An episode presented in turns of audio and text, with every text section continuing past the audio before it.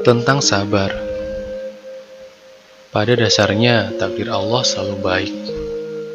Walau terkadang perlu air mata untuk menerimanya. Maka dekatilah mereka yang tidak tahu cara mengeluh. Sungguh sekali kita mengeluh, kita langsung terkena candu. Untuk mereka yang mengerti bahwa sedih dan bahagia adalah sementara, ia tak akan begitu saja menyerah hanya karena satu dua cobaan. Ia tak akan larut dan tenggelam karena ia sadar hidup harus tetap berjalan. Ia senantiasa mampu mengambil pelajaran dari setiap ujian. Dari hal-hal buruk yang menimpa kita, kita dituntun untuk belajar sabar.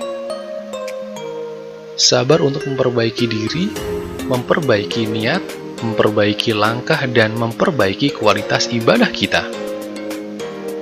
Sabar itu bukan berdiam diri dan menangisi kelemahan diri, tapi sabar itu adalah berusaha memperbaiki segalanya dengan tetap berbaik sangka dengan ketetapan Allah yang dijalani.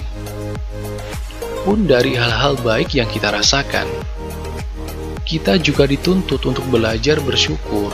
Bersyukur bukan hanya dengan lisan, tapi juga dengan perbuatan. Bukti syukur dalam perbuatan yaitu dengan senantiasa beribadah dan taat kepadanya. Tidak meninggalkan sholat, tidak melupakan zikir kepada Allah, dan tidak pelit untuk membagi kebahagiaan yang kita dapatkan. Jadi bagaimanapun kehidupan ini berputar, tetaplah menjadi orang yang pandai bersabar dan bersyukur. Sabar memiliki dua sisi. Sisi yang satu adalah sabar, Sisi lainnya adalah bersyukur kepada Allah.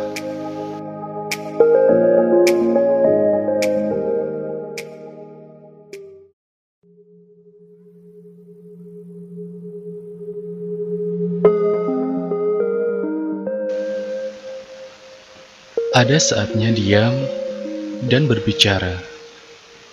Alangkah indahnya diam bila bicara dapat menyakiti orang lain. Alangkah terhormatnya diam bila bicara hanya untuk merendahkan orang lain. Alangkah bagusnya diam bila bicara bisa mengakibatkan terhinanya orang lain. Alangkah cerdiknya diam bila bicara dapat menjerumuskan orang lain. Alangkah bijaknya diam bila bicara hanya untuk merugikan orang lain. Akan tetapi, betapa dahsyatnya bicara bila diam itu mengakibatkan celakanya orang lain.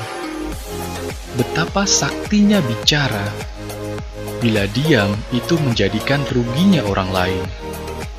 Betapa hebatnya bicara bila diam membuat tidak sadarnya kesalahan yang terus dilakukan orang lain.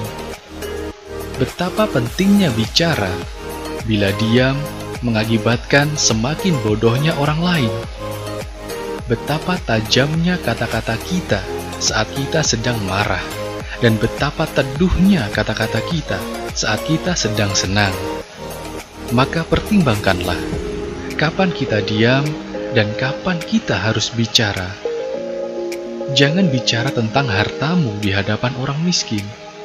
Jangan bicara kesehatanmu di hadapan orang sakit Jangan bicara kekuatanmu di hadapan orang lemah. Jangan bicara kebahagiaanmu di hadapan orang yang sedang sedih.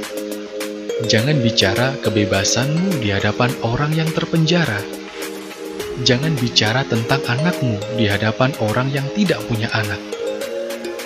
Seorang yang bijak ibarat air yang selalu tenang dan menenangkan, suci dan menyucikan, sejuk dan menyejukkan, segar dan menyegarkan, lembut dan melembutkan. Jadilah seperti air yang selalu mencari tempat yang lebih rendah, sehingga kita tetap rendah hati, tidak pernah menyombongkan diri dan tidak pernah merendahkan atau menghina orang lain. Jadilah seperti air yang selalu memberi kehidupan bagi apa pun dan siapa pun, serta mengisi setiap celah dengan kehadirannya yang menyegarkan. Semoga harimu diliputi kebahagiaan dan memancar keluar untuk membahagiakan orang di sekitarmu.